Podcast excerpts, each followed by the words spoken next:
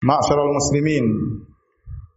Sungguhnya Alimah Muslim telah meriwayatkan dalam sahihnya dari sahabat Abu Hurairah radhiyallahu taala anhu dari Nabi sallallahu alaihi wasallam bahwasanya Rasulullah sallallahu alaihi wasallam bersabda Inna Allaha tayyibun la yaqbalu illa tayyiban Sungguhnya Allah maha baik dan Allah tidak menerima dari hambanya kecuali yang baik pula Wa inna Allah amara al-mu'minin bima amara bihil mursalin. Dan sungguhnya Allah Subhanahu wa taala telah memerintahkan kepada kaum mukminin dengan apa yang Allah perintahkan kepada para rasul. Faqala ta'ala ya ayyuhar rusulu kulu minat tayyibati wa'malu salihah. Maka Allah berkata wahai para rasul sekalian, makanlah dari perkara-perkara yang baik dan beramal saleh. Wa qala ta'ala dan Allah berfirman kepada orang-orang mukminin kata Allah Subhanahu wa taala Ya ayyuhalladzina amanu kulu min thayyibati ma razaqnakum. Wahai orang-orang yang beriman makanlah dari perkara-perkara yang baik yang kami rezekikan kepada kalian. Summa dzakara rajula yutilu safar. Kemudian Rasulullah SAW menyebutkan tentang seorang yang telah lama bersafar. Ash'atha akbar. Rambutnya semerawut penuh dengan debu. Yamudu yadayhi ila sama. Orang ini mengadahkan kedua tangannya ke arah langit. Kemudian berkata ya rabbi ya rabbi berdoa kepada Allah dengan menyeru, menyeru ya Rabbku ya Rabbku. Wa mat'amuhu haram. Sementara makanannya dari hasil yang haram. Wa mashrabuhu haram. Dan minumannya dari hasil yang haram. Wa malbasuhu haram. Dan pakaiannya dari hasil yang haram. Wa ghudhiya bil haram. Dan dia kenyang karena hasil yang haram. Fa anna yustajabu lahu. Bagaimana bisa dikabulkan? Doa orang ini. Hadirin yang dirahmati oleh Allah Subhanahu wa taala. Sungguhnya hadis ini menjelaskan tentang keterkaitan pengkabulan doa dengan apa yang kita makan. Oleh kerana dalam hadis ini Rasulullah SAW menyebutkan tentang seorang yang dia berdoa dan dia telah melakukan banyak adab doa agar diterima oleh Allah Subhanahu Wa Taala. Yang seandainya dia tidak memakan makan yang haram, tidak minum dari hasil yang haram, tidak berpakaian dari hasil yang haram sudah dipastikan doanya akan dikabulkan oleh Allah Subhanahu Wa Taala. Rasulullah SAW menyebutkan tentang orang ini. Terpenuhi padanya sekitar enam sebab dikabulkannya doa. Yang pertama orang ini adalah musafir. Kata Rasulullah SAW, Rajul yutilu safar. Sudah lama bersafar. Dan seorang yang bersafar, doanya dikabulkan oleh Allah Subhanahu Wa Taala. Nabi SAW bersabda, Salatu da'awatin yustajabna la syaka fihinna. Tiga doa yang dikabulkan dengan pasti tidak diragukan dalam hal ini. Dakwatul mazlum, doanya orang yang dizalimi. Dakwatul musafir, doanya orang yang bersafar. Dakwatul walid ala waladihi dan doanya orang tua terhadap anaknya. Doanya orang yang bersafar pasti dikabulkan oleh Allah Subhanahu wa taala. Kenapa orang yang bersafar turun rahmat Allah kepadanya? Diperhatikan oleh Allah Subhanahu wa taala. Kenapa dia sedang melakukan perjalanan? Dia sedang menghadapi banyak kesulitan. Kata Nabi wasallam, "As-safaru qit'atun minal adab." Sungguhnya safar adalah potongan atau bagian dari siksaan, dari kesulitan. Oleh karenanya, orang yang menghadapi kesulitan seperti ini diberi kemudahan oleh Allah Subhanahu wa taala. Dia dibolehkan untuk salat dengan mengqasar, bahkan boleh juga dengan menjamak. Demikian juga dia boleh untuk berbuka tidak berpuasa. Kenapa? Dia sedang bersafar. Dia boleh untuk tidak salat Jumat bersama jamaah. Kenapa dia sedang bersafar? Bahkan di antara rahmat Allah Subhanahu wa taala kepadanya Allah mengabulkan doanya tatkala dia berdoa. Terlebih lagi orang ini yutilu safar, sudah lama bersafar. Semakin dia lama bersafar, maka semakin dia mengalami banyak kesulitan. Dia jauh dari keluarganya, jauh dari kampung halamannya, jauh dari istrinya, jauh dari anaknya. Maka Allah memberikan rahmat dengan memudahkan dikabulkan doanya. Ini sebab yang pertama yang seharusnya membuat orang ini dikabulkan doanya oleh Allah Subhanahu wa taala, dia seorang musafir. Sebab yang kedua, orang ini kondisinya jauh dari kesombongan.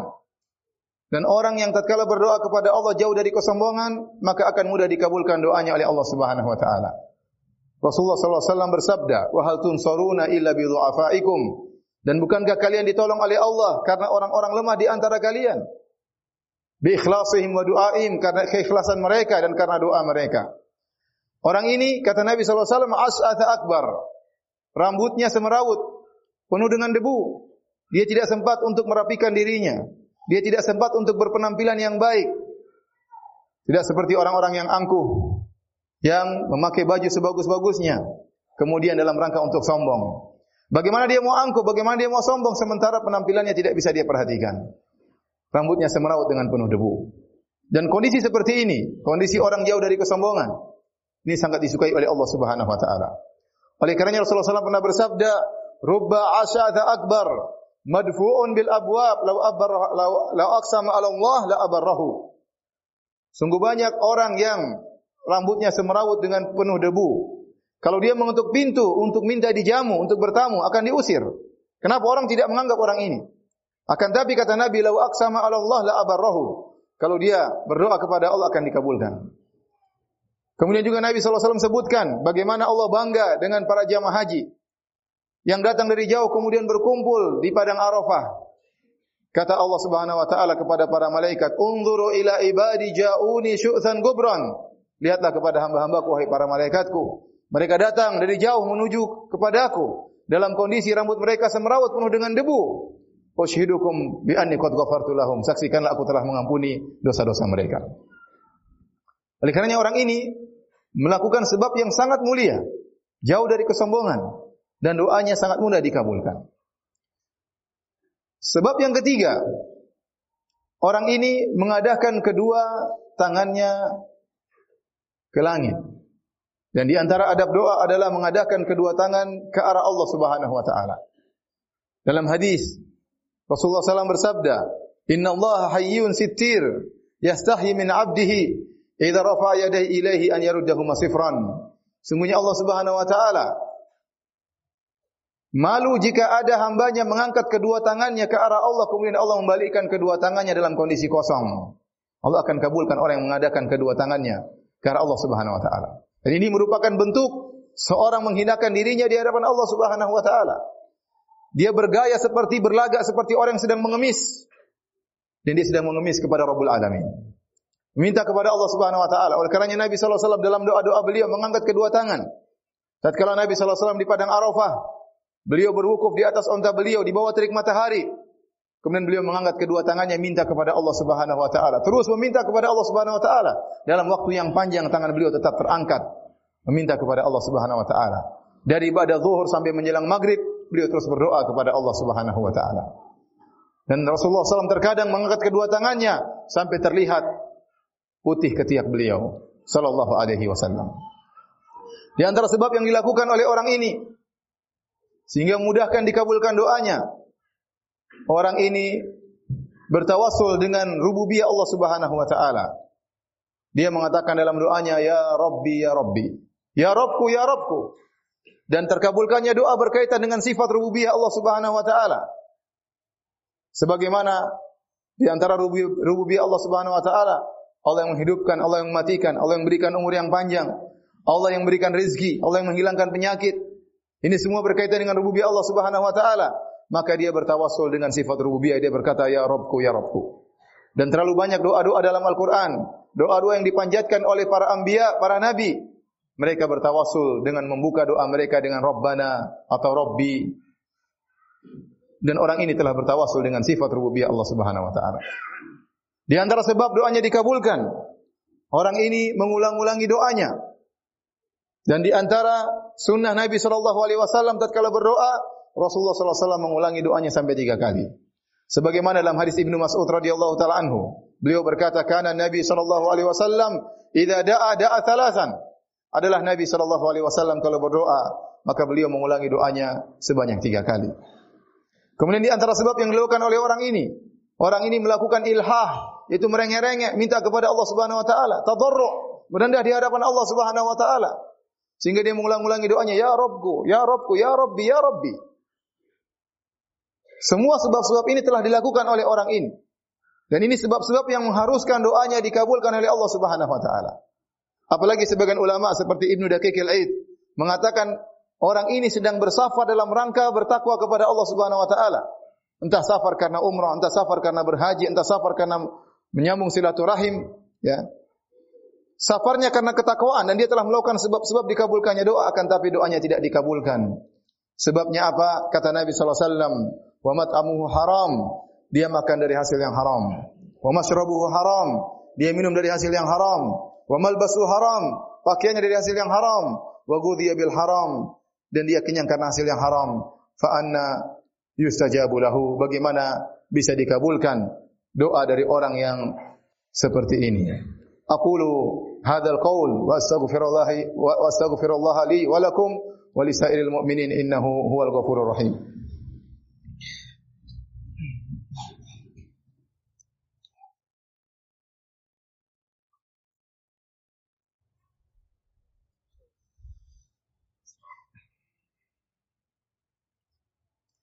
Alhamdulillah ala ihsanih wa syukru lahu ala taufiqihi wa amtinanih wa asyhadu an la ilaha illallah wahdahu la syarika lahu ta'ziman li sya'nih. Wa asyhadu anna muhammadan abduhu wa rasuluhu da'ila ridwanih. Allahumma salli alaihi wa Hadirin salat Jumat yang dirahmati oleh Allah Subhanahu wa taala. Di sana ada ada adab-adab doa yang lain yang hendaknya kita perhatikan tatkala kita bermunajat dan mohon kepada Allah Subhanahu wa taala. Yang pertama Seorang tatkala berdoa hendaknya konsentrasi, benar-benar minta kepada Allah Subhanahu wa taala. Jangan sampai hatinya lalai. Hendaknya dia tahu apa yang dia ucapkan. Hendaknya dia tahu apa yang dia mohonkan kepada Rabbnya. Kata Nabi sallallahu alaihi wasallam, "Ud'u Allah wa antum muqinuna bil ijabah." Berdoalah kalian dalam, dalam kondisi kalian yakin akan dikabulkan oleh Allah Subhanahu wa taala. Fa inna Allah la yastajibu du'aan min qalbin ghafilin lahin. Sungguhnya Allah tidak akan mengabulkan doa dari hamba yang hatinya lalai. Maka seorang tatkala berdoa, konsentrasi, benar-benar paham apa yang dia minta, minta kepada Allah Subhanahu wa taala. Kemudian di antara adab doa, telah kita isyaratkan dalam hadis tadi yaitu yakin bahwasanya Allah mudah mengabulkan. Tidak ada yang sulit bagi Allah Subhanahu wa taala. Jika kita telah memenuhi syarat-syarat dikabulkannya doa, kemudian kita telah melakukan adab-adab berdoa, maka doa kita pasti dikabulkan. Jangan seorang berkata saya berdoa siapa tahu dikabulkan jangan. Tapi seorang hendaknya husnudzon kepada Allah Subhanahu wa taala. Kata Nabi sallallahu alaihi wasallam bahwasanya Allah berkata, "Ana inda dhanni 'abdi bi." Sungguhnya aku tergantung persangkaan hambaku kepadaku. In dhanna khairan falahu wa in dhanna syarran falahu. Kalau dia berprasangka baik kepadaku maka bagi dia kebaikan dan jika dia berprasangka buruk kepadaku maka baginya keburukan. Maka seorang tatkala berdoa yakin doanya pasti dikabulkan oleh Allah Subhanahu wa taala dan husnudzan kepada Allah Subhanahu wa taala. Akan tapi hadirin yang dirahmati oleh Allah Subhanahu wa taala, pengkabulan doa oleh Allah Subhanahu wa taala dalam bentuk salah satu dari tiga bentuk. Sebagaimana sabda Nabi sallallahu alaihi wasallam dalam hadis yang diriwayatkan oleh Abu Sa'id Al-Khudri radhiyallahu anhu dalam Musnad Al-Imam Ahmad. Kata Nabi sallallahu alaihi wasallam, "Ma min muslimin yad'u bi da'watin laisa fiha ithmun wala qati'atur rahim illa a'tahu Allahu biha ihda thalath. Tidaklah seorang muslim berdoa dengan suatu doa yang dalam doa tersebut tidak ada dosa dan juga tidak bertujuan untuk memutuskan silaturahmi kecuali Allah akan kabulkan doanya dengan salah satu dari bentuk pengkabulan. Imma an yu'ajjila lahu da'watahu. Yang pertama Allah kabulkan langsung doanya sesuai dengan permintaannya. Wa imma an yaddakhiraha lahu fil akhirah. Yang kedua Allah tunda pengkabulannya di akhirat wa imma an yasrifa anhu min su'i mislaha.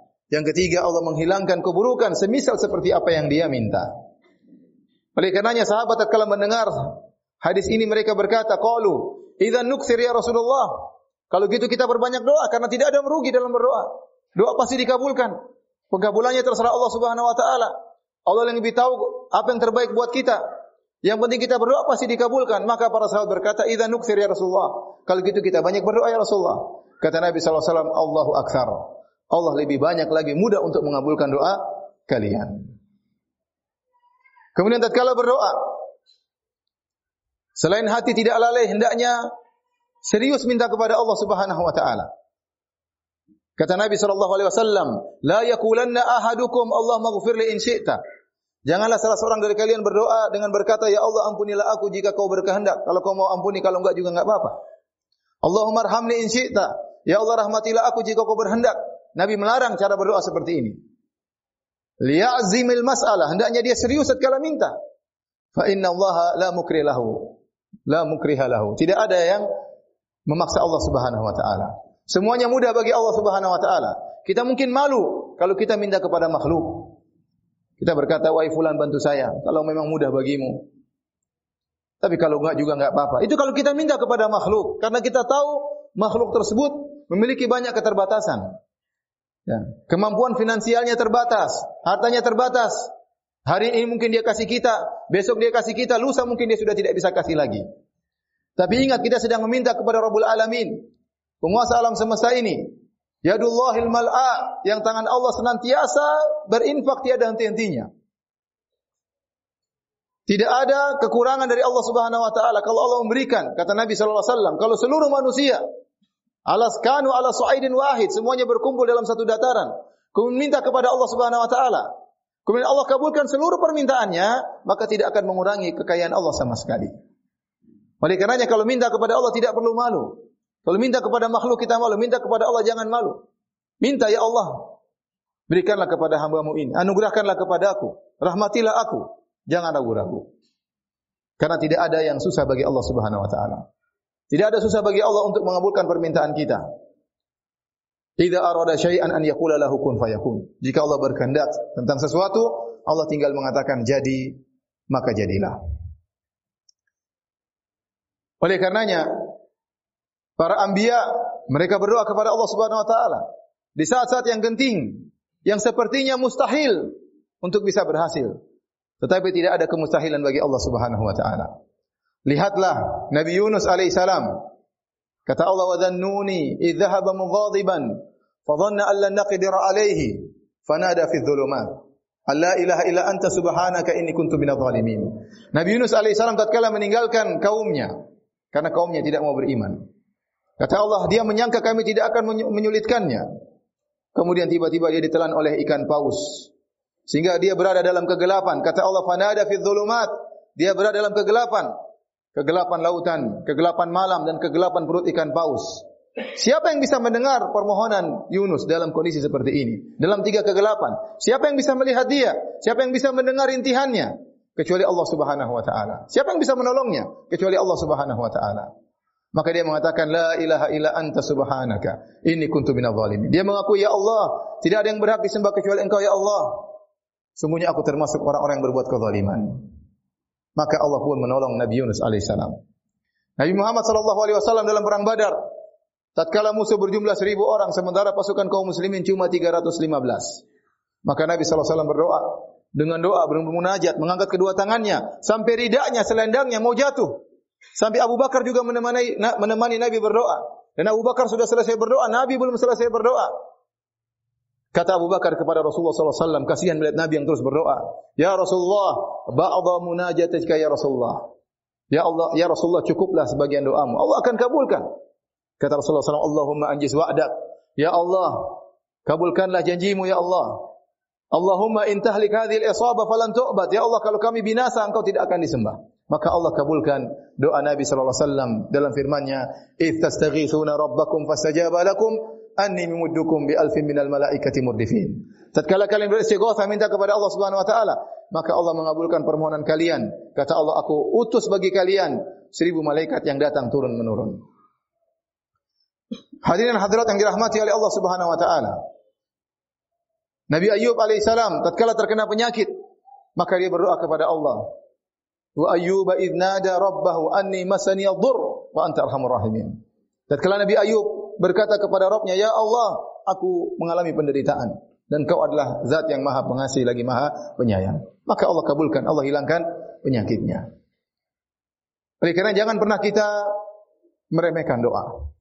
Sebagaimana perkataan Imam Syafi'i rahimahullahu taala, atahza bid du'a wa tasdarihi wa ma tadri ma sana'a du'a apakah kau meremehkan doa? Kau menganggap remeh doa? Dan kau tidak tahu apa yang bisa dilakukan oleh doa. Doa itu adalah senjata utama seorang muslim. Bukan senjata terakhir para hadirin. Seorang menjadikan doa adalah senjata utamanya. Dan Allah selalu membuka pintu langitnya. Setiap hamba meminta maka pasti Allah mendengar. Allah Maha mendengar. Maka jangan pernah ragu untuk minta dan berdoa kepada Allah Subhanahu wa taala. Nabi wasallam kana idza hazabahu amrun fazi ila salat. Kalau ada perkara yang menggelisahkan Nabi, yang menyusahkan Nabi, Nabi langsung salat. langsung bermunajat, langsung berkeluh kesah kepada Allah Subhanahu wa taala, langsung minta kepada Allah Subhanahu wa taala. Senjata yang paling utama milik seorang mukmin. Kemudian yang terakhir para hadirin yang dirahmati Allah Subhanahu wa taala, jangan lupa memilih waktu-waktu yang tepat untuk mohon kepada Allah Subhanahu wa taala. Di antara waktu yang sangat mustajab Waktu yang sangat mustajab adalah seorang berdoa tatkala di sepertiga malam yang terakhir. Kata Nabi sallallahu alaihi wasallam dalam hadis yang mutawatir, "Yanzilu Rabbuna tabaraka wa ta'ala hina yabqa thuluthul akhir min al-lail." Sungguhnya Rabb kita turun di langit dunia tatkala tinggal sepertiga malam yang terakhir. Kemudian Allah berkata, "Hal min sa'ilin fa'utiya su'lah, hal min da'in fa astajiba lahu, hal min mustaghfirin fa aghfira lahu." Apakah ada di antara hambaku yang berdoa akan aku kabulkan doanya? Apakah ada di antara hambaku yang mohon akan aku kabulkan permohonannya? Apakah ada di antara hambaku yang mohon ampun maka aku akan ampuni dosa-dosanya? Bayangkan bagaimana luasnya rahmat Allah Subhanahu wa taala. Kita tidak heran kalau ada orang miskin berjalan jauh untuk mencari orang kaya minta bantuan. Tapi kita heran tatkala ada orang kaya yang buka pintunya dan persilahkan orang miskin untuk meminta darinya. Dan kita lebih heran lagi terhadap Rabb kita yang maha kaya. Yang turun ke langit dunia mencari-cari hambanya. Si kaya mencari si miskin. Dengan begitu kebaikannya. Bagaimana kita tidak tertarik untuk mohon kepada Allah subhanahu wa ta'ala. Allah mencari-cari hambanya. Saatnya kita cari muka kepada Allah subhanahu wa ta'ala. Tatkala manusia semuanya sedang lelap tertidur. Kata Nabi SAW, Sallu bil layli wa nasu niyam, tadkhulul jannata bisalam. Salatlah kalian tatkala orang-orang sedang tidur, niscaya kalian akan masuk surga dengan penuh keselamatan. Allah sedang mencari hamba-hambanya, maka mohonlah kepada Allah di saat-saat tersebut. Pasti dan yakinlah Allah Subhanahu wa taala akan mengabulkan doa ham, doa hambanya yang mohon di waktu tersebut.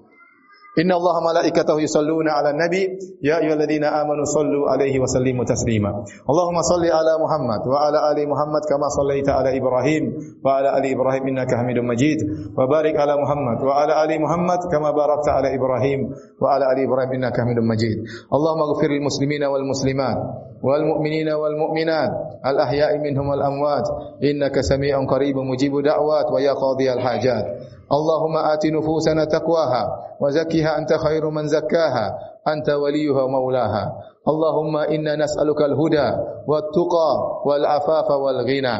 ربنا ظلمنا أنفسنا وإن لم تغفر لنا وترحمنا لنكونن من الخاسرين. اللهم أصلح ولاة أمورنا.